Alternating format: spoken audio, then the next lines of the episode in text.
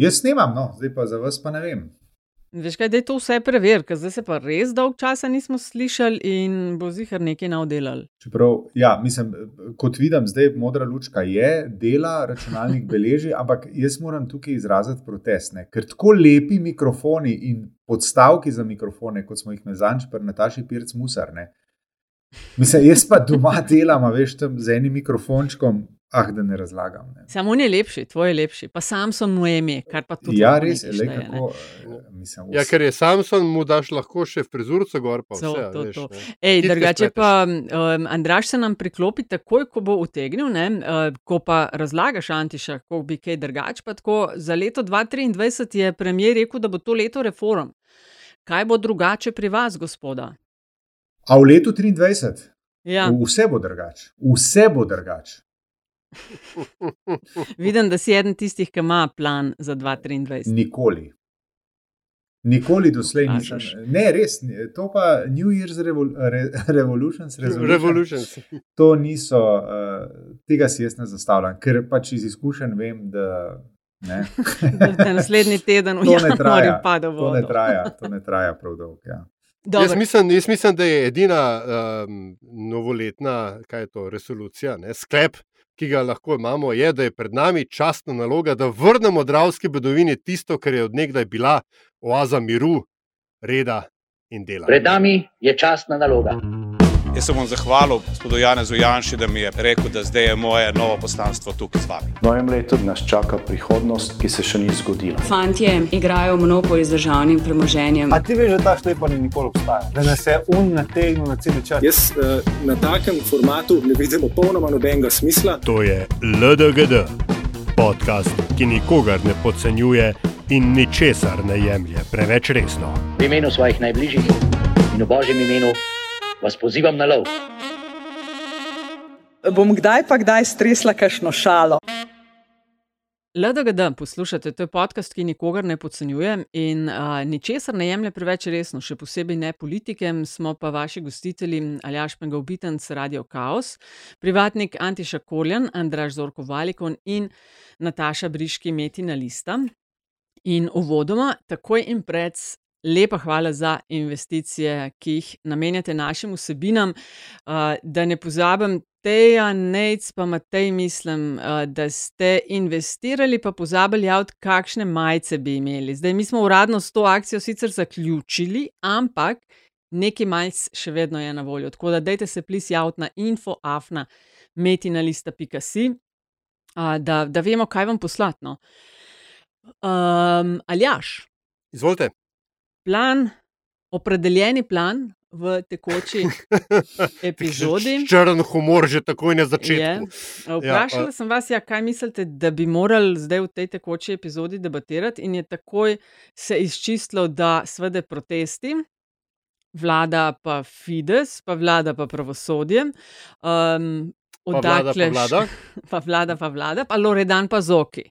Tako da bomo Dobar, ja. začenjali ja. s tem, medtem ko z enim učem spremljamo zaslišanja ministerskih kandidatov. Namreč, odkar smo se zadnjič slišali, se vlada preoblikuje in postaja to vlada 19 ministrstv in uh, vladnega urada. Ja. Ampak lahko proceduralno, gospod predsedujoči? Izvolite. Lahko, preden to začnemo, najprej počistimo za sabo iz konca prejšnjega leta, ko smo eh, zelo prijazno, preveč prijazno, kot se je skazalo, povabili naše poslušalke in poslušalce k, tem, k temu, da nam a, zaupajo svoje lastne misli o pričujočem podkastu. A, in smo dobili a, en posnetek, a, ki ga je a, poslala kdo? Ambasadorka, gospa Daša, fenica podcasta LDGD in smo totalno ponosni, da nas posluša. Daša, hvala, v tokratni epizodi nastopaš. Kje bo povedal gospod režiser epizode? Tukaj, ne? zdaj. Draga ekipa LDGD, jaz vam čestitam za še eno fantastično sezono. Redno vas spremljamo od druge polovice prve sezone in vas že od takrat naprej tudi priporočam.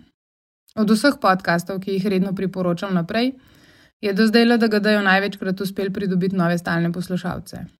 Meni se to zdi fantastičen uspeh, ker seveda priporočam samo super podkaste. V tej zadnji sezoni ste dokončno izpilili zvok in ne, zdaj nam ni več treba pojačati glasnosti, da slišimo Antišo. V prejšnjih dveh ste pa postopoma dosegali zgleden nivo dialoga, tako da si ne segate več v besedo in se predvsem ne skregate več v etru. Štefica super drži tempo in zamejuje predolge odklone od teme, dolžina podcasta je pa itak ravno prava pri 35 minutah. Politbizarka je kraljica stalnih rubrik, ki se je verjetno vsi veselimo, meni osebno je pa zadnjih 30 verjetno še bolj všeč. Hvala vam za vsa priporočila. Od revolucij do dokumentarcev o Putinu, od priporočil knjig in filmov na RTV. Posebna zahvala pa Nataši za priporočilo knjige Neverjetna. Meni se zdi ta dve stalni rubriki ravno prav, kar je verjetno razlog, da se niti Pejmo se, niti Čaršija nista tako dobro prijeli. Nekako je pol treba preveč časa nameniti rubrikam in ga ostane premalo za jedro podcasta. Obstoječi rubriki sta super, predvsem ker se ena tiče teme podcasta, ena pa vas samih. In vi ste mi tudi v zadnjih letih kot ljudje prirasli zelo k srcu. Tako da vam želim vesele praznike in vam prisluhnem k malu. Daša. Hvala, Daša. Um, Ludo je nezaboravno, poslušaj nas še naprej. A imamo mi še kakšno bizarko za spucati? Nimamo za spucati, smo pa v prejšnji epizodi dosegli, da je gospa Štefica so zmagali, Pahor vrača odlikovanja. Je pa zanimivo, pazi to, 64 odstotkov je glasovalo za to, kar je pa v letošnji sezoni zaenkrat največ. Se pa bojim sicer, da imamo po možnosti že letnega zmagovalca, ampak o tom potom pride politbizarka proti koncu. Antiša, zdaj si se načakal. Protesti. A si bil na kakšnem protestu? Kakšne misli te obhajajo ob, imeli smo protest Glas ljudstva, ki je bil protest pacientov in pacientk, zdravniki so ga zadnji hip Fides odpovedali in zadnji hip je tako rekoč prišlo do dogovora tudi pri višjih plačilih ali pa uvrščanju v višji razred plačni pri vzgojiteljicah. Pa mislim, da so še mladi raziskovalci noter zajeti in tako dalje. Misli ob teh protestih, sedem mesecev nove vlade, sedem ali šest, pol leta skratka, pa se zdi kar živahno. Ja, no, najprej odgovor na tvoje vprašanje. Na nobenem od protestov nisem bil. Po mojem zadnji je protest, bil. na ki- ja, ampak ne, zadnji protest, na katerem sem bil, se mi zdi, da je bil leta oseminosemdeset na Roški. Se mi zdi, ne. Kasneje pa res nisem hodil. Čakaj, tudi, tudi službeno ne. Pa dobro, to ne šteje, ne. A veš, če A ne si? A, ja, okej. ne, a veš, tako, mislim, če si službeno, pol nisi udeleženec. Tako jaz to Ne, ne, razumem, ampak, a ja, ok. Ne, če, razumem, seveda sem okej, bil ja. ne, takrat, ko sem videl v prvi vrsti Nikota Grafenauerja, ogro- ogorčenega, ker menajo Janeza Janša kot obramnega ministra, pa Petra Jambreka, pa tako naprej. Ne. To sem seveda hodil, ne. ampak kot udeleženec pa ne. Ampak ne. meni se v zvezi z protesti se mi v bistvu najbolj pomembno zdi pri vsem to, da jih lahko imamo. Ne? To se pravi, da če nekdo misli, da uh, je proti nečemu vredno protestirati, da ima možnost to storiti. Ne?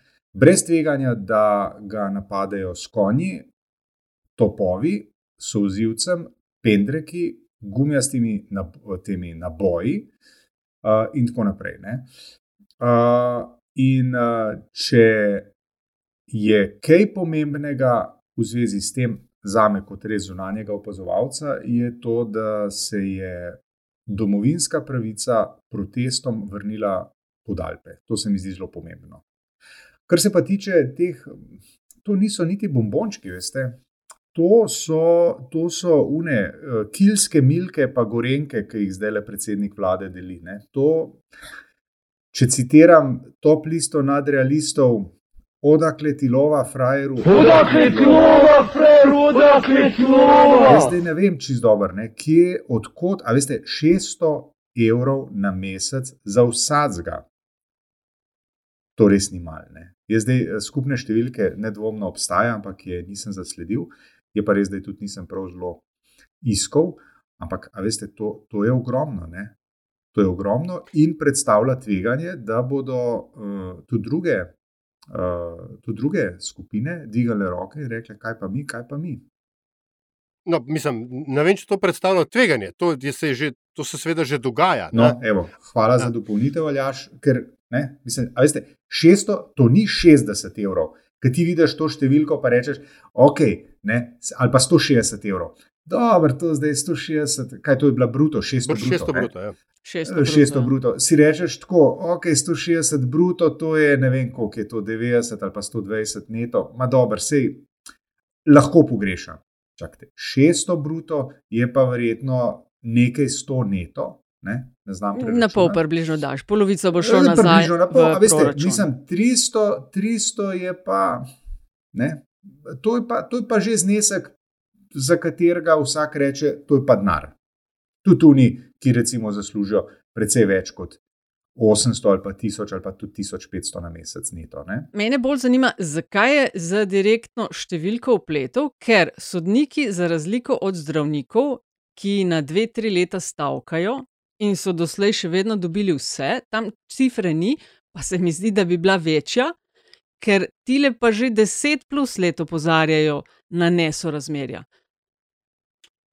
Ne, ni, ni od včeraj, kar so dobili. Ne. To več kot desetletje opozarjajo. Uh, berem, premijer je to napovedal, zdaj koliko so v vladi, ali pa koliko je kdo vedel o tem, so različne, različna ugibanja, ali je bila to solo akcija ali ne. On je na občnem zboru Slovenskega sodniškega društva napovedal, da bojo že januarja prejeli 600 evrov, to je bruto, kar pomeni, da tako rekoč 300 dajo, ker 300 gre nazaj v proračun, če jaz to prav razumem.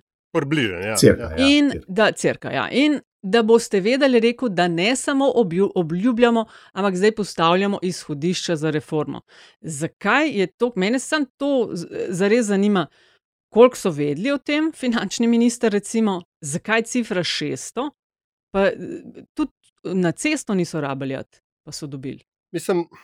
Veš, kaj je, tukaj je več stvari v igri. Na, najprej se seveda treba vprašati, uh, tako, kaj sploh so javne finance, oziroma kaj je to uh, fiskalna stabilnost, ker ta stvar ni šla k vragu včeraj ne, ali pa pred šestimi meseci, ampak mi smo že kaj tri, štiri leta v situaciji, kjer so vsi te finančne kontrole, malo zaradi pandemije, pa zdaj malo zaradi uh, ruske agresije, pa, pa energetske krize. To, to se kar naenkrat ni več tako zelo pomemben. Ne. In tudi, da veš, vsakeč, ko Slovenija da svoje um, budžetne načrte v Bruselj, le tam tako zelo pomižijo, reče, da je to malo popraviti, ampak se bo v redu. Ne? Dober je, za koga je. Kle, in sem smo prišli potem, ko smo deset let poslušali, ne, kako je treba na dve decimalki natančno zračunati uh, uh, vse stvari, zato da se bojo, ja, da bojo fiskalno se stvari ja pokrile. Ne. Tako da meni se zdi po eni strani, da je zdaj golob jadra na kaj je to, dobra volja ali, ali pa potrpljenje, potrpežljivost ne? vseh tistih, ki načeloma gledajo pod prste javnim financam. Veste, razumete, da so gospodarstvo zdaj buni, ker gre kobajagi samo iz njihovih davkov, čeprav ne gre samo iz njihovih, ampak v redu. Ne? Nek, nekaj tretjega je. Vse to so kratkoročni obliži. Ker, če bodo šli, če bo šel javni sektor, približno zadovoljen v pogajanja za uh, reformo plačnega sistema, ki, ne pozabimo, jo je razrušil Janša, s tem, ko je on najprej dal zdravnikom stvari izven sistema plačnega um, sistema plač v javnem sektorju. Um, skratka, če bodo šli oni približno zadovoljni v, v pogajanja o novem plačnem sistemu, ima to mogoče šanse, da, da, da bojo ta pogajanja uspešna če bodo šli sindikati jezni v ta pogajanja, dogovora ne bo. To je zdaj jasno. Tako da jaz mislim, da golob se tukaj vnaprej zapira fronte, ki, ki mu grozijo, da, jih, eh, da se mu odprejo, pa naj stane, dobesedno, pa naj stane, kar hoče. No, vrh koalicije bo 18. januarja in takrat naj bi o tej reformi plačnega sistema v javnem sektorju govorili. Uh, ampak dobro, zdaj smo se zataknili v sodnike. Pejmo nazaj k zdravnikom. A, a vemo, kaj se je zgodilo, do kakšnega dogovora je prišlo, da so zadnji hip odpovedali stavko. Plus, drugo vprašanje. Ta stavka, ki pa je zares bila, ki jo je organiziral glas ljudstva, stavka pacijentov, na kateri se ne vem, kakšne so bile uradne številke, je kdo zasledil. A udeležbe? Se... Okrog tisoč udeležencev, dober dan. No, dober dan. Koliko, gospod Zorko? Uh, okrog tisoč je bilo. Aha, tisoč. Ampak, ampak v celi Sloveniji. A, ne vem, mislim, da je bilo za Ljubljano. to. Ma ne, jaz mislim, da v Ljubljani tisto, kar sem videl na trgu republike, je kar izgledalo tako. No, je kar izgledalo, no, da je bilo. Radijska ja. poročila slišal za nekaj sto, ampak No, ja, v redu. Ajde. Ampak nima veze, to so protestniki in protestnice so rekli, to ni protest proti vladi, čeprav, come on, proti komu ali čemu pa. Ja, vem, za javno zdravstvo, ampak eh, se mi je pa zdelo tudi precej nenavadno, da so predstavniki vlade tam bili. A ni bilo to mal? Ja, ne navadno. Ja. Mislim, a veš, a se spomnite protestov zadnji dve leti, ko smo se zgražali, kako sem ben ne upal od vlade prijeti na proteste. Mislim, so se zgražali. Ne vem. Zakaj je to Mm. ne navadno? Ne, ne vem, zaradi tega, ker se mi zdi proti njim. Uh, protestiraš proti meni in jaz pridem na protest, uh, na kjer mu protestiraš proti meni in rečem, ja, promaš. No, mislim, zdaj to je tvoja interpretacija. Ja, seveda, ja, Eh, ja. So rekli, mi ne, to ni protest proti vladi, to so večkrat eksplicitno omenili. Ja, ne. niti, vem, ja. niti v podporo opoziciji, ampak je protest pacijentov. Ne. Zdaj, lahko se pa seveda sprašujemo, proti komu pa je, ker protest je bil, torej je vprašala se, proti ne. nekomu, ne, komu, proti komu zdaj, ne, v resnici. Ne. Zdaj, kdo je zdaj ta nevidna pošast, proti kateri, proti kateri Ne, s se precej, s, precej dobro, s precej dobro namernosti se da to razumeti tudi kot protest ne proti nekomu, pač pa proti nečemu. Ne? To nekaj je Stanje. stanje v zdravstvu. Ja. Ja. Ampak, ne, v naslednjem, ampak tukaj je treba vejco postaviti in reči, hkrati pa je, hkrati pa je, kdo je, in se vprašati, kdo je tisti, ki mora stanje v zdravstvu urediti, to pa je vlada. Ne? Tako da se brez prevelike uh, vratolomnosti da pride do interpretacije, da to vendarle je bil na nek način protest proti vladi. Je kaj pa recimo, ko imaš protest uh, podnebnih sprememb, proti komu se pa tam protestira? Uh, protestira se proti uh, nosilcem gospodarske in politične moči, ki tega ne urejajo hitreje in bolje. No, lej, bom drugače vprašala, kdo misli, da če bi bila na čelu Janševa vlada, da bi brendirali ta protest ne kot protest proti vladi? Še To bi bil enkrat. gladko Še enkrat, protest. enkrat. Če bi ne bila zdaj Golobova, ampak bi bila Janševa vlada in bi šli na cesto, kdo bi rekel, to ni proti, protest proti vladi? Noben. Ja, jaz To bi bil protest proti tudi, Janši. Tudi, jaz tudi zdaj razumem kot protest proti vladi. No, saj- Vem, o, okay, gled, ampak le so protestniki sami, ne, so rekli, mi ne protestiramo proti vladi, protestiramo proti čemu koli pa že. Ne. A, recimo, da je bil to nek izraz frustracije, se mi zdi pa tudi, da je na pol. Niso hoteli reči, da je protest proti temu, kar mnogi ne, pravilno ali nepravilno ocenjujejo kot um, kaj to pohlep. A, a, a, najbolj vplivnih zdravnikov ali pa vrhne kaste zdravniškega a, poklica. Ne niso, niso vsi upali čist do tja, tako da so pač protestirali proti nečemu amorfnemu, ampak sporočilo je bilo, recimo, nekako jasno. Se pa strinjam, ne, da je to tako. Zdaj, če pride vlada na protest, je to še vedno protest proti vladi? Ne vem.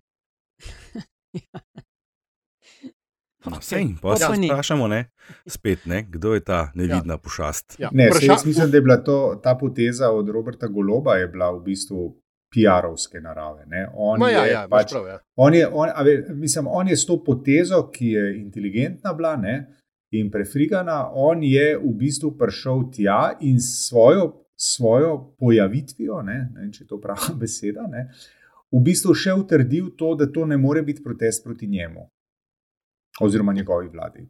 Ja.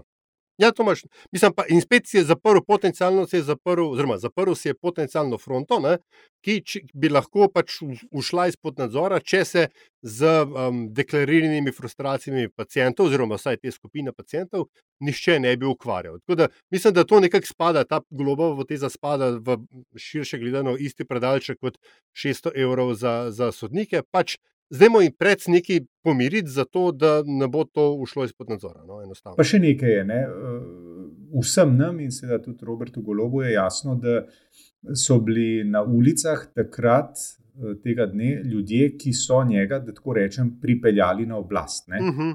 In on si ne želi po sedmih, leti, eh, po sedmih mesecih mm, na vladi, si ne želi imeti nasproti svojih zaveznikov. Njegovo sporočilo je bilo v bistvu, še zmeraj smo skupaj, še zmeraj vas slišim, mi smo rekel, na istem bregu. No, tako. Mislim, hkrati pa verjetno tudi to pol leta dobrega so na oblasti. Ne? Dela se reforma zdravstva, reforma plačnega sistema, pa se ne morejo biti za vse krivi in vsega v pol leta zrihtati.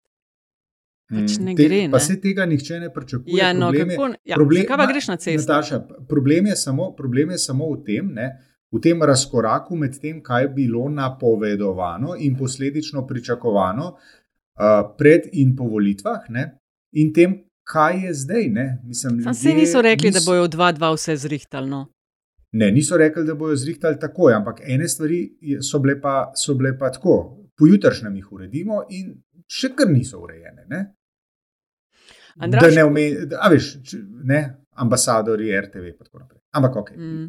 Andraž, nove številke, a ste mogoče že kaj merili? Sem zaznala sicer, da mečken seveda pada, kar je verjetno normalno, pa nezadovoljstvo se veča, pa ni več toliko simpatij do nove vlade. A si še kakšne mogoče podatke našel ali pa da, se kaj, da je kaj ven skočilo, kar je omembe vrednega ali je čist prezgodaj? Veš kaj, prav številk ne, ta le naša raziskava, nova normalnost, ki ima tudi notor en sklop namenjen podpori vlade, se dela v- od 18 do 20 v mesecu, tako da z nestrpnostjo pričakujemo naslednji teden, oziroma plus par dni, kakšni bodo rezultati, ker imamo občutek, da se bodo spremenili ne samo zato, eh, ker se je dogajalo zdaj, le tudi zato, ker eh, ponavadi januarja eh, Populus ni tako naklonjen eh, uradnim institucijam kot decembra. Le zakaj, le zakaj? ja, ja če pač decembra je le, tako sem tako vzdušje, ne, smo vsi malo veseli, pa srečni, pa tako, pa so pa tudi odgovori posledično malo bolj prizanesljivi. Januarja, ki pa sledita padec na realna tla, eh, novoletnih obljub in praznih denarnic, če sem mal prozaičen, pa so pa mačkam bolj. Uh, no, ne prizanesljivi, če so bili prej prizanesljivi. V glavnem, uh, kar sem pa opazil, ne opažam pa na Twitterju, seveda, že prve znake razočaran nad uh, to vlado strani voljivcev te stranke, ki je tako silovito prevzela oblast aprila lani. V smislu, ne, sej jaz sem jih tudi volil in sem res, eh, ali pa volila in sem res upal, da to je pa zdaj neka sprememba, ampak zdaj se je izkazalo, da golope pa vendarle ne vem, kaj je spet. Ne. No, malo spominja na une čase uh, Mira Cerarja, ki je na podoben način uh, z veliko upanja voljivcev zmagal, pa se je pa kar kmalo ta isti populus obrnil proti njemu in se začel z njega na koncu še norčevati. ne. To je to, o čemer smo že govorili, koliko traja v poprečju ta afekcija uh, slovenskega voljivca, seljivca, ki se že zadnjih 10-15 let seli od stranke do stranke. Koliko kol časa lahko zdrži, koliko časa lahko zdrži v tej podpori, um, v tej, tej nekem zaupanju, uh, ki ga je tako na veliko položil v Nederja, neki novi stranki, ustanovljeni dva meseca pred volitvami. Uh, Tle se mi pa zdi, da smo pa zdaj priča temu trendu spet, da se bodo ti, tisti podporniki začeli uh, odvračati od gibanja Svobode in s tem bo se odpadala podpora vladi, Robertu Golobu kot osebi in tako naprej. Od tu, pa koliko je pa od tu pa do kakšnega norčavega uh, nadimka, pa Pa sej, pa sej jih že ima, kaj. Sam pač še ni. Kaj pa ima? Mislim, tavbi, ne? Zato, ker tavbi, Tavbi je golob, ja, ja. primorsko za goloba. Ne? Pa dobro, ampak to še ni tako. Mislim, jaz imam tle v mislih spet tega znamenitega Cmerarja, ne? ki je neko osebnostno lastnost. poudaril. Samonec Merar je dubo pol šele, ki je pač s tistimi. Ne, ni, ni bilo takoj, to je nekaj časa. Ne, traja, ne takoj, seveda ne, ja, seveda ne. Najprej se odvrnejo stran, če šah, ne, vse so isti, pa nič ni boljš, pa ne vem kaj, ne, pol, pa sčasoma pride pa kakšen tak. Uh, Tako veš, ko dobiš tak nadink, veš, da so dokončno obupali, no? da od tam naprej greš lahko, je, je konc. Čeprav, veš, nimaš to več ti- česa več popravljati. Ne? To, kar je ne, za, za tiste, ki so se nam pridružili malo kasneje, ne, a, kot je Ante že na začetku omenil, glede na to, da so določene osnovno demokratične stvari, ki vendarle spet dobivajo domovinsko pravico, ne, je tukaj vendarle, po mojem, ena ključna razlika med tem, za kom ne, prihaja ta zdaj um, misija, ki, ki nujno razočara. Ne, uh, ker primerjava za Cerarja je bila Alenka Bratušek, ne? uh, dobro, se Janša tudi prej, ampak predvsem tudi Ale- Alenka Bratušek. Medtem ko primerjava za golobo je pa dve let um, trde ne, protoautokratske vladavine. Tako da mogoče bo ta dobra vola vendarle mišken dlje ustrajala kot sicer. A veš, kaj razmišljam, ne? ko se pogovarjamo tudi o tem, pač protesti, pa više plače želimo in tako dalje. Sej, mi smo o tem večkrat že govorili, pa se mi zdi, da smo kar na isti valovki. Ampak, a veš, koliko so ti ljudje plačani? Ne? 65 je, 65 razred je v javnem sektorju najvišji razred. to ga po zakonu sem padajo, uh, pada ne vem, predsednik republike, oni so sicer 66, pa predsednik vlade. Pa, a veš, koliko je to za res denarja za dve tako pomembni funkciji? Ja, nič ne. 3 jurje 300. Neto. Neto. 3 jurje 300 neto dobi človek, ki zaseda top pozicijo in da ne rečem, kako zelo odgovorno v državi. Ja, jaz vam tukaj to sam, zdi sam, sam eno Trikrat, rešitev, vsaj trikrat premalo. Ja. Mislim, da mora Slovenija povečati število pos, eh, evropskih poslancev za ene 17krat, pol bo pa boljš, ker oni pa več dobijo. Uh, in kjer državo bomo usvojili ta namen? Ja, dobro, no, dej, pusti zdaj detajle. Eno vprašanje, kar vem, da nam je tudi padlo v oči. Um, v okviru, mislim, kar nekaj ima na pladnju premijer Golob. V zadnjem intervjuju, ki ga je dal v 2022, se mi je zdel sicer precej, precej čuden uh, intervju, uh, zelo napadalen je deloval, skratka, velik front odprtih, ena ta zdravstvena in na relaciji te prizori, ki jih gledamo že dva tedna, ko ljudje stojijo v vrsti, da pridejo ali da se zabeležijo pri uh, enem družinskem eh, zdravniku, mimo grede, a vi ga imate. Ja. Ja. Ste neopredeljeni. Jaz imam, jaz imam. Srečko ti. Uh, skratka, je prišlo na relaciji najprej med zdravstvenim ministrom in županom zaradi delovanja, ali pa bolj rečeno, verjetno ne delovanja zdravstvenega doma Ljubljana, do kreša. Pol smo pa videli par dni nazaj, pazi to, tiskovno konferenco, premijer, zdravstveni minister, župan, kjer se zdravstveni minister dvakrat opraviči županu. In to isti minister, ki, kot smo pred časom ugotovili, zna zelo pomožko z nekom debatirati. a Ne? Ja, lahko a lahko jaz. No, dej, no. Lahko a lahko jaz. uh, jaz mislim, ja, to je, to je, to je tako. Um, mislim, to videli smo in to si lahko o tem, kar smo videli, si vsak misli svoje. ne. Uh, jaz mislim, da je v podtekstu ali pa v vodnem žigu teh prizorov je pa naslednje. Ne? Preprosto je Zoran Jankovič poslu, poklical Roberta Goloba in mu rekel: "Eh, Robi, zdaj pa glej, ne? zdaj se pa nehite zabavati, zdaj pa unga prpel pred kamere, kjer se mi bo upravičil. In ker je bil razmeroma dobre vole, Zoran Jankovič je rekel, se, mu, se mi bo upravičil samo dvakrat. Ker če bi bil slabe vole, bi rekel, se mi bo petkrat upravičil v tistih desetih minutah. Ne? In sedaj je Robert Golob to storil. Ne? To je bilo uh, to je zelo žalosten prizor za avtoriteto zdravstvenega ministra, da gor višji niti ne grem. Ne? In Skoraj da že za rubriko rub, eh, Polit Bizarka. Ha? Mhm. Ha, ha, ha. Hkrati pa, hkrati uh, je pa tukaj bilo zelo jasno povedano, kdo je v resnici šef. Ne?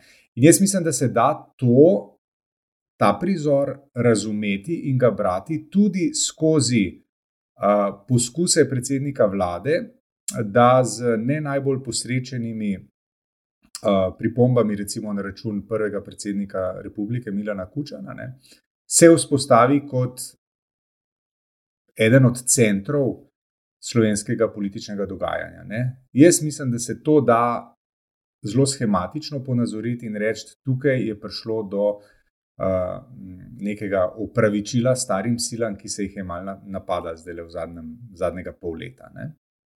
In nekako obljube tega, se ne, tega ne bomo več počeli.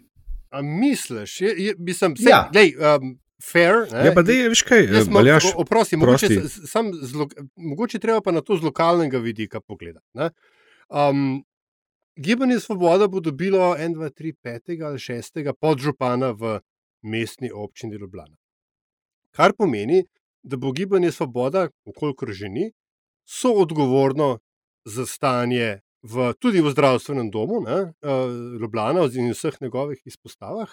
Uh, ker tukaj gre predvsem za lokalne probleme, in zdaj ta odnos med uh, županom in direktorico uh, ni najbolj jasen, in mislim, da namenoma ni najbolj jasen, ker ste pač eh, v ribarnem, se, v kalnem se najbolje ribari. Uh, kar se pa eh, Bežiča Loredana tiče, pa Antiša ti pač bolj šveš, ampak se mi zdi, da je kle se en vzorc pojavlja, ker on se je tudi za, kaj že tisto moško debato, se je tudi upravičil. ne. Tako da On, on, on se mi zdi, da ima to neko tendenco in to tendenco se ti ob njegovem imenovanju izpostavil, da najprej strela, pol pa vpraša, ne? oziroma najprej strela, pol se pa upravičuje. Ja, ampak ja, ja kar nadaljuje. Ja. Ne, hotel sem samo sam to reči, da, mogoče, da je treba vsej tej a, a, šaradi, ki, je, ki se tam izvedla, ne, a, tudi ta lokalni vidik gleda, da pač a, Gibanje Svoboda in Jankovič bosta sodelovala, sta prisiljena v sodelovanje. Ne? In to, veš, to, da pa zoki se nasmeji, pa reče: Ja, jaz sem jih samo dvakrat upovičil. Uh, to je pa klasičen Jankovič. To, do, do, dobesedno nič ne pomeni. Če je Zoran Jankovič razvil zamero do Loredana in Goloba. To lahko se le tisočkrat upravičijo, to ne, nič ne pomeni, ta zamera bo ostala. Tako da um, dejanja, mislim, da bomo morali po dejanjih ne, um, analizirati in, in poskušati razumeti ta odnos. Tako da to še pride. No, pa to ni bil edini tak moment, ne, povezan z Bežiš Loredanom. Ne. On je recimo tudi izjavil na novinarski konferenci, češ, kako je bivši minister za zdravje uh, zaslužil 20.000 evrov za neobstoječi produkt, pa mu je ta kar hitro odgovoril, da ta produkt je v predaljih samo odpretih more. Se spomnite tega? To, to, to je bilo ja, približno v istem času in da je za, ta, za tistih 20.000 evrov upravil nekih 770 ur dela, kar so še preračunati, je nekih že 25 ali koliko evrov na uro, kar je čisto normalna postavka. Skratka, uh, zdi se, da res kar hitro kaj izreče. Ne? Uh, jaz sem včasih občutek, da mu nekdo tam mal prišepetuje. Češ, a si slišal, ne? Jankovič bo pa dva zdravstvena doma zaprl samo zato, da hoče, hoče prodati, pa zaslužiti, pa, pa kar plane in gre s tem v javnost, da bi to malo preveril. Lahko da mu to potikajo, lahko da je pač karakter tak, uh, kar se kakor ni primern, uh, primerna lasnost za tako javno funkcijo. Ne? Jaz mislim, da pri taki izjavi, kot jo je dal, se pač moraš upravičiti, če nekoga tako le naslepo zelo, zelo, zelo na blef, res obtožuje še nekaj hude zadeve, v resnici. Ne? Eh, zdaj, če to Jankovič zdaj potem še malo bolj zoprna, ker zahteva določen protokol, očitno.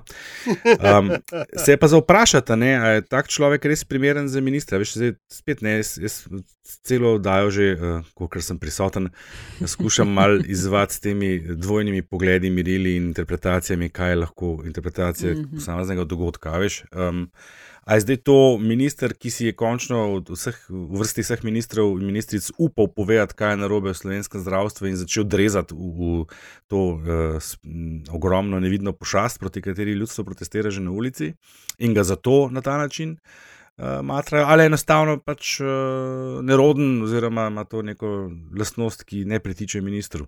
Ne?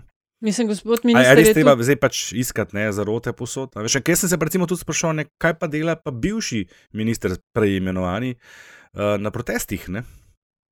A ni on tudi uh, kot eno v vrsti ministrov, ki niso vsa ta leta, desetletja, ne da niso reševali, ampak so na nek način z svojim dejanjem v bistvu omogočali, da ta zdravstveni sistem kakršen je. Jaz, jaz si ne upam reči, da je slab, niti se ne upam reči, da propada, ker, ker v bistvu res ne vem. Uh, to, ne, naprimer, kako se uh, interpretacija tega, kakšno zdravstvo v Sloveniji spremenja za vsako vlado, je tudi kar do neke mere neverjetno. Oziroma, kako se ne spremenja. Ne? Spomnite se, ne, ne, kako se recimo. Veš, spomnite se, recimo, um, času Cerareve vlade, takrat so na koncu, kaj je bilo tisto, kar so najbolj ponirali učitelji te vladi. Točno to. Tam, tam se je pojavil ta fenomen čakalnih vrst, ki so pol 2018 čudežno zginile, ki je Šarc prišel na oblast. Se spomnite tega?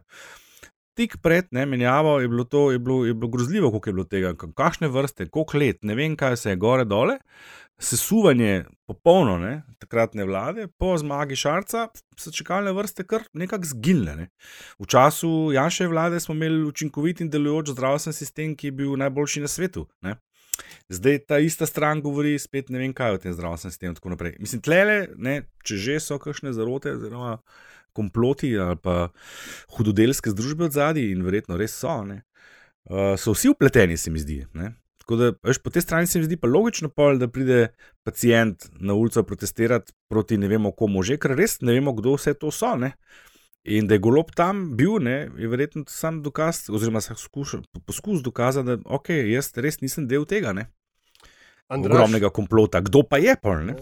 Moraš paziti, kaj govoriš, ker nikoli ne veš, da boš rabo zdravniško obravnavo, da se ti ne bo zgodilo tako kot meni v osmem razredu, ker smo imeli, sem bil urednik šolskega časnika in smo objavili strip za zobrco kot glavno um, to, zlobnico ne, v, v glavni slabi vlogi, na kar sem šel keb, da mi naredi eno plombo. pa mi je dala na stol, pa naredila vum, vum, rekla, no, boste lahko še kakšen strip objavili.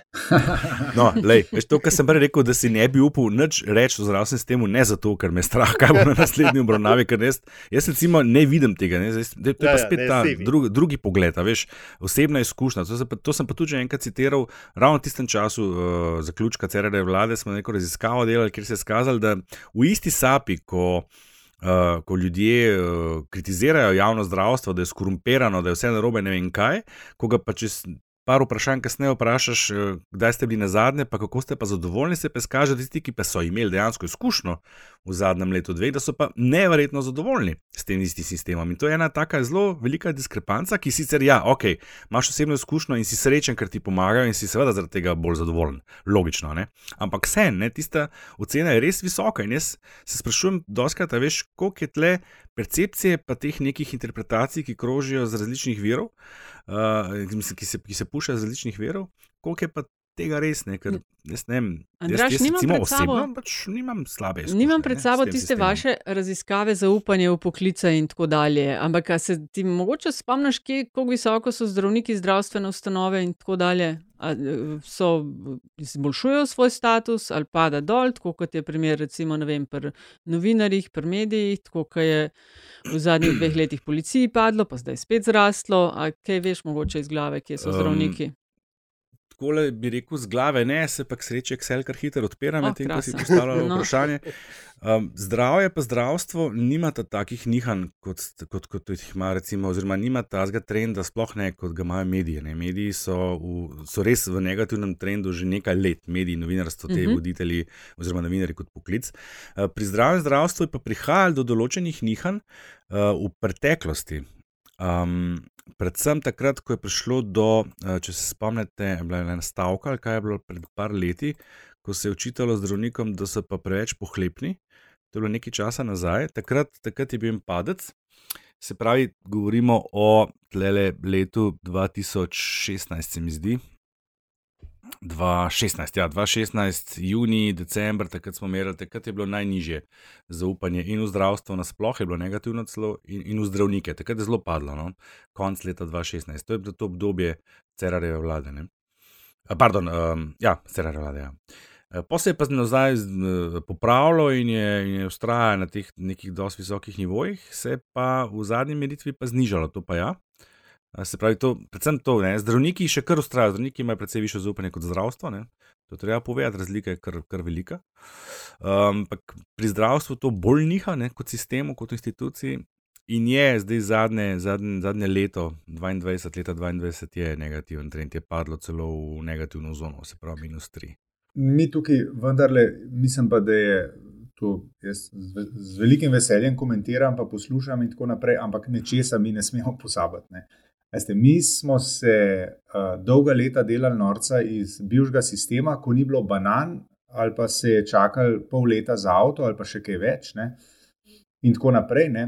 Uh, ni bilo pralnega praška, ni bilo olja, cukra, ne česa vse ni bilo. ne. Uh, Danes pa v državi, ki je članica OECD, Evropske unije, NATO, jaz ne vem, česa ni članica, ne, gledamo prizore, ki ljudje hodijo po osnovno zdravstveno obravnavo, pri čemer jo plačujejo, ne tako kot v Ameriki, ne, jo plačujejo, hodijo ob 4 zjutraj čakati v vrsto. Mislim, mi smo tukaj. Veste, prizori to so je- kar šokantni. Ja, to je, mislim, To mi- je bilo zelo ponižujoče. Mi smo, veste, mi smo, mi smo počasi smo vajeni, eh, kako se stvari nižajo. Ne? Ampak mi ne smemo, a veste, mi ne smemo tega začeti jemati kot novo normalnost. Ne moramo pristati, mislim, vsakmu, ki je redno zaposlen, trgajo od plače za zdravstveno varstvo. Vsakmu, ki dela kot privatnik, trgajo oziroma mora plačevati za, za zdravstveno varstvo. In realnost je pa taka, da v središču Ljubljane, pa ste, to ni bilo, da ne bom rekel, kje, v nekem kočevju, a ne na taka.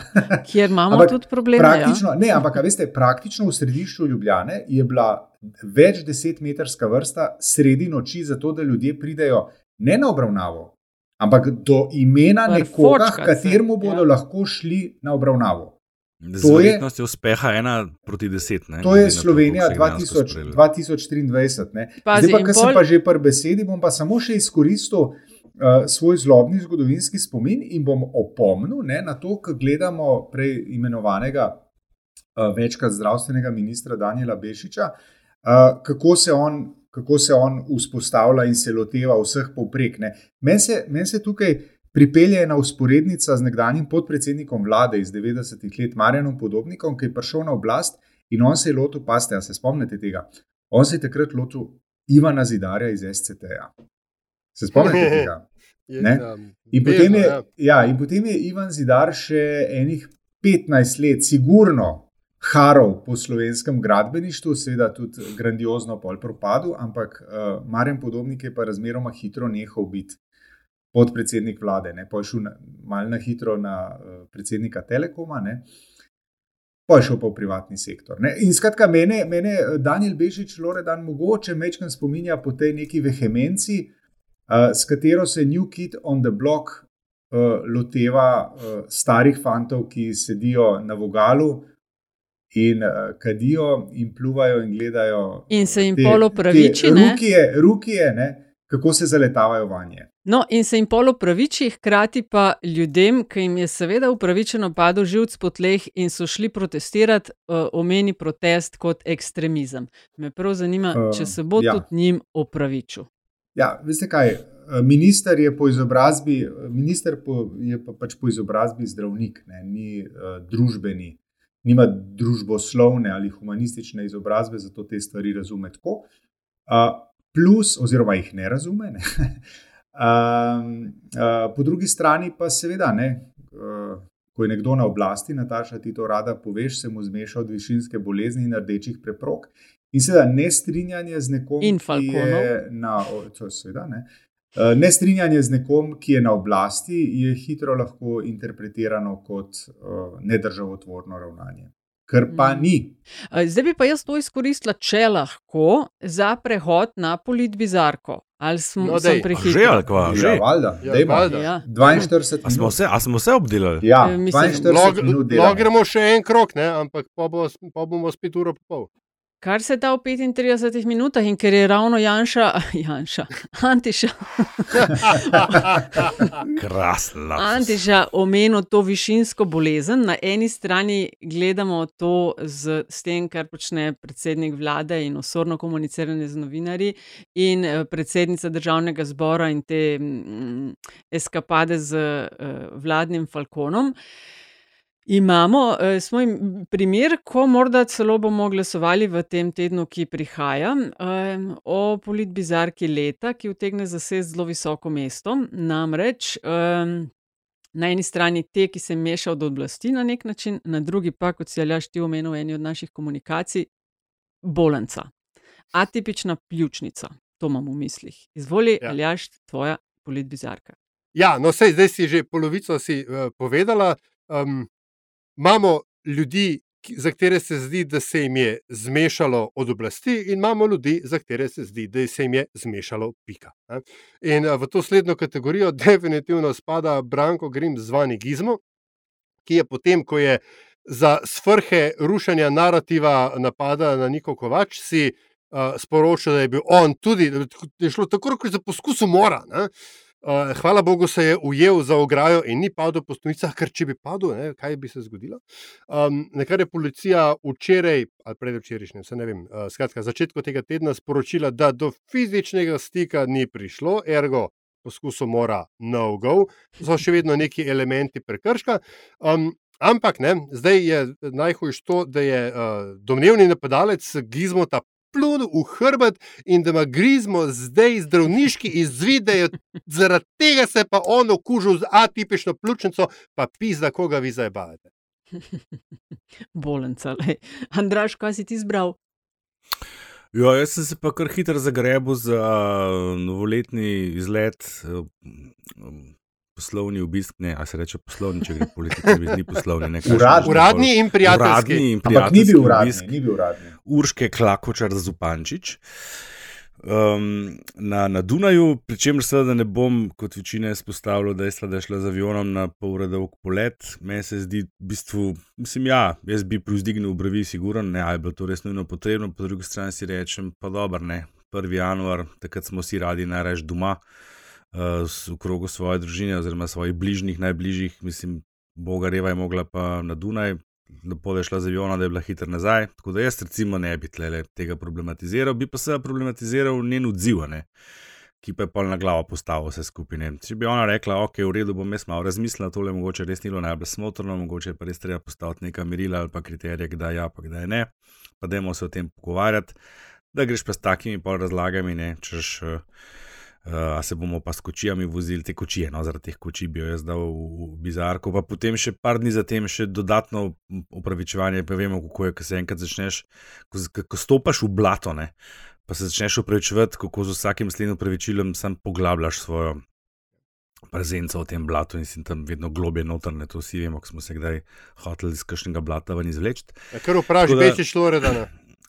no, ampak on je zgleda že kar profesionalce, veš, to, on znane, on gre, ne vem, če bo ni težava prijeti pred kamero, pa reči, se upravičujem dvakrat, pa se še malo preklonil vmes, kaj je na dvoru približene. Kaj ti res ne, kot pravijo, motiti se je človeško, opravičiti pa božansko. Ne. E, to je zelo dobro, vem, ker sem se tistemu županu jaz tudi mogel enkrat upravičiti. ne, se dogaja tudi najboljšim. Ne. V glavnem, uh, zato, zato sem uh, izbral Urško Klakočar Zupančič, ker se mi zdi, da se je z tem upravičevanjem v bistvu pobizarila cela zgodba. Meni pa osebno pa moram priznati, da polet sploh ni bil tako zelo sporen. Uh, vprašal bi se pa tudi o načelnosti kakšnih ljudi, recimo, ki, so, ki so jih polna usta kritike na račun ogličnega odtisa njenega poleta, medtem ko se vozijo z avtom na smutanje na enodnevni izlet v Avstrijo, nekam na umetno zasneženo smočišče. Uh, Antiša? Ja, se bom jaz navezal, uh, ker to, kar je zdaj Andraš govoril, ima seveda tudi uh, drugo sezono, ne, da tako rečem, sequel. Ne. To je pa pol, ki je šla Urška Klakočar Zupančič, hm, se bojim, da bo dobila dosmrtno prepoved, ne, če bo, ne bo. nadaljevala. Ne bo, ne bo veš, zakaj ne? Antiša? Zato, ker je ženska, vse vem, da ne, ne, ne. je ženska. Ne, ne, ne. Ja, ja, vem, ne. Ja, ja, Lej, redu, redu, ja. Jaz sem prav šla gledati, a veš, da gospa niti enkrat še ni zmagala.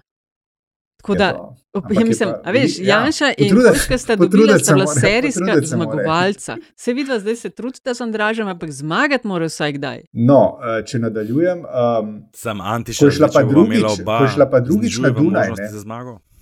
Ko je šla pa drugič na Dunaj, ne, je šla pa z avtom. Zdaj pa. Ne. A to zdaj pomeni, da je ona implicite priznala za blodo, ko je šla pa prvič z avionom? Ker to je že. Zdaj pa je šla z avtom? Pa zdaj, pred parimi dnevi. Ne? Ja, ja. šla je na Dunaj, hod, gospa. Ja, uh, zdaj je šla, pred, ja, šla je na neko odprtje nečesa v, držav, v parlamentu v, tam v, v, na Dunaju in uh, je šla pa z avtom. Ne? In zdaj, ne? ali je bila napaka storjena tokrat, ali je bila napaka vendarle storjena prvič, ker gospa Urška Klakočar Zopančič, je v vseh javnih nastopih upravičevala svoje, uh, svoj polet na Dunaj. Uh, potem pa v naslednji možni priložnosti je, ob naslednji možni priložnosti, je pohodila lastne besede. Kar se meni zdi v bistvu tako, uh, precej nezrelo in precej, če pač uporabim uh, ta izraz, ker smo v tej rubriki, bizarno. Ne, ne moreš, ne moreš, moraš, a veste, mislim, da si vsaj pol leta si del vmes, če misliš spremenjati, spremenjati uh, svojo politiko. Ne. Borut Pahor nekoč demonstrativno ni letel, ni letel s, s Falkonom, pa pa gledano, glej, ne, je kar naenkrat začel leteti z avionom, ampak ne, je nekaj časa minilo vmes. Uh, tako da, evo. Kandidiram predsednico državnega zbora. Zakaj golob nikoli ne bo letel s Falkonom? Pa se mi. ker se golobi bojijo sokolov. ker se raje pouzda v svoje kljuse. Ampak golobi so v ravnem letu hitrejši od sokolov, dajte si to zapomniti. A, dobro. Whatever. Skratka. Pa zanj, če enem oskem krogu sem nasmejal uh, vprašanje in odgovor na vprašanje, kako bi pa golob sam sebi pošto prinesel. Se pa bojim, da gospoda ne boste imela šans, ampak dvojna kandidatura, mogoče enkrat. ne? Mm, Ja, ja, mogoče bo pa enkrat zmagala ta atipična pljučnica, kar močna kandidatka. Ja, moj kandidat je pa gospod ustavni sodnik, dr. Rok Svetlič. In njegovo odklonilno ločeno mnenje v zadevi o dopustnosti referenduma na družinski zakonik. Zdaj, sedem ustavnih sodnikov in sodnic je menilo, da zakon kot sprejet odpravlja neustavnosti in da zatorej referendum ni mogoč. No, doktor Svetlič pa je napisal, da se jaz vem, da je moj glas proti problematičen, ker bi zares mogel podpreti dejstvo, da so človekove pravice ustavno zaščitene, ampak jaz sem proti, ker mi ni všeč, pazi, kako se v zadnjih desetletjih interpretira človekove pravice. Skratka, um, gospod Rok Svetlič je moj kandidat, ustavni sodnik, ki ga je, da ne pozabimo, kandidiral od uh, decembra dalje ne več predsednik Pahor. Gremo na zadnjih 30, to je rubrika. Štefi, če mm. smem. Ja, se je tudi zmagala. Poslušal. Tokrat res ne, se bojim. Uh, če smem, tole zdaj sem nas poslušal, tale, tale rubrika, politi bizarka, mislim, si imamo nekaj zapovedati. Uh, to bo zančajno idejo, kaj pa če bi imeli mi en podcast temu posvečen, pa bi sam politi bizarka se pogovarjali. Ne, ne, očitno dosti. Ne zabavi. ja, to smo res. Ali jaš je celo nadgradil to idejo, ali jaš bi delal video, ali jaš kar na glas. Ja, ja, ja, ja, jaz sem predlagal z gostinsko ponudbo in filharmonike, tudi da bi bili. No. Da, uh, tudi, mislim, vsi smo kreativni, ampak gremo mi na zadnjih 30, ki meni se mudi. Okay. Entuzijazem je na višku, vidim. Ajde. Zadnjih 30, izvoli Antiša. Ja, jaz bom, uh, pogosto sem kritičen do televizije Slovenija, predvsem do njenega njihovega informativnega programa, kot se ga grejo v zadnjem obdobju. Bi pa tokrat pohvalil. Ne? In sicer bi pohvalil um, dokumentarni program, mislim, da je ob torkih vem, na Sloveniji ena ali pa Sloveniji dve, ki se dotika. Ki se dotika uh, bližnje zgodovine, tako bom rekel. Ne? Pred časom je bila francoska, zdaj le, pred časom je bila francoska serija v treh delih o Sovjetski zvezi, se pravi od Lenina do Gorbačova, tri delna, zdaj so pa nadaljevali z zgodbo o Benitu Mussoliniju. Uh, in skratka, priporočam, uh, priporočam oglede, kako se reče, dokumentarnega programa iz bližnje zgodovine na TVS. Ok, Andraš. Jaz pa moram priznati, da sem imel zdaj le priložnost, sicer tako eh, negativne narave in sicer sem zbolel, zbolel sem po, po kar nekaj letih konkretno.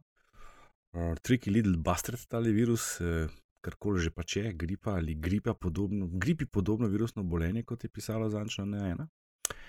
Uh, in sem imel spričo tega, pa, pa seveda čas uh, par filmov pogledati po seriji.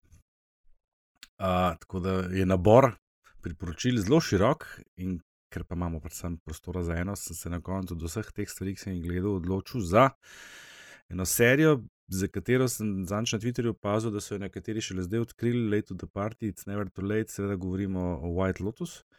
Zunaj je druga sezona, e, za me še bolj zabavna, kot je bila prva. In jo od srca priporočam, če niste gledali prve, greste lahko tudi direkt na drugo, ne boste veliko preskočili, ker ni zelo velik direktnih povezav, res ne. Sicer pa priporočam za ogled prve najprej. HBO Max oziroma HBO programi, ko jih ujamete, White Lotus, krasna serija. Mm, boš imel ali ti zadnjo, prav? A, ok, prav. prav.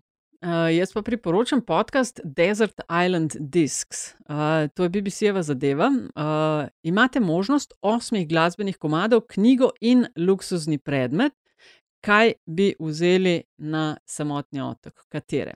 Voditeljica Lauren Laverne eh, z gosti se pogovarja o njihovem življenju in delu, potem pa hkrati o tem, ok, zdaj pa kaj je prvi komat, ki bi ga vzeli na samotni otok in tako do osmega, do knjige in luksuznega uh, predmeta. Ja, zanimive ljudi ima med zadnjimi, recimo Kate Blanchett, ki je top tako v več pogledih in uh, tudi zelo super v tem intervjuju. Torej, Desert Island Discs. Izvolite, Ljaš.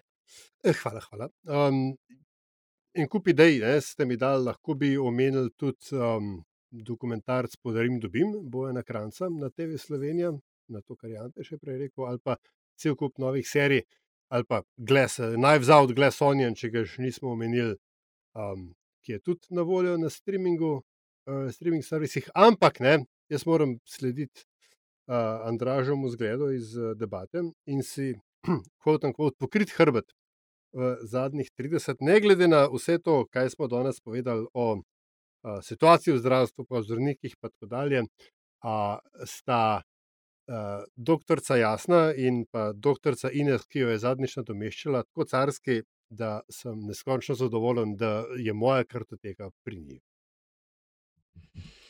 Ok, hvala lepa za poslušanje in družbo v podkastu. To je številka 121, prvi v letu 2023 in odslej jih bodo na 14 dni. Se pravi, se slišmo spet, takrat bo retrogradec tudi že mimo, izteče se 18. januarja, za tiste, ki vas to zanima, in se pač slišmo čez dva tedna spet. Ok, ej, jaz moram